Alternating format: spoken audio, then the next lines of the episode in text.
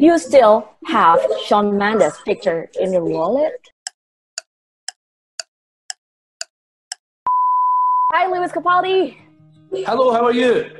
I'm pretty good here. Hope you good too. So, where are you now? I mean, like in Scotland or somewhere?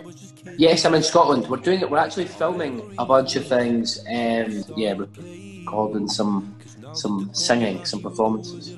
Before you go, so I heard that actually this is the song about your late aunt. Yes. First of all, I thought this is about saying goodbye to our ex-lovers and some kind of stuff, but Mm. then it turns it's not about that. If actually, just like the lyrics, you have a chance to say something to someone who probably gonna listen to this, to gonna watch this video, who are feeling like lonely, worthless, or you know scared, but actually Mm. you want to say it. Oh, I don't know. I think I maybe just say to reach out to the people around you. If it's if it's your parents, if it's your friends, if it's whatever, reach out to them and uh, and tell them how you're feeling. Tell them that you're feeling lonely. Tell them that you're feeling low, and, and they'll be able to help you through whatever you're going through. You're not you're not alone. Even when you think you're completely by yourself, you're not alone. So it's that's all I would say. Is, is that something happening when you want to start to write that? I mean, like, did you like missing your aunt or?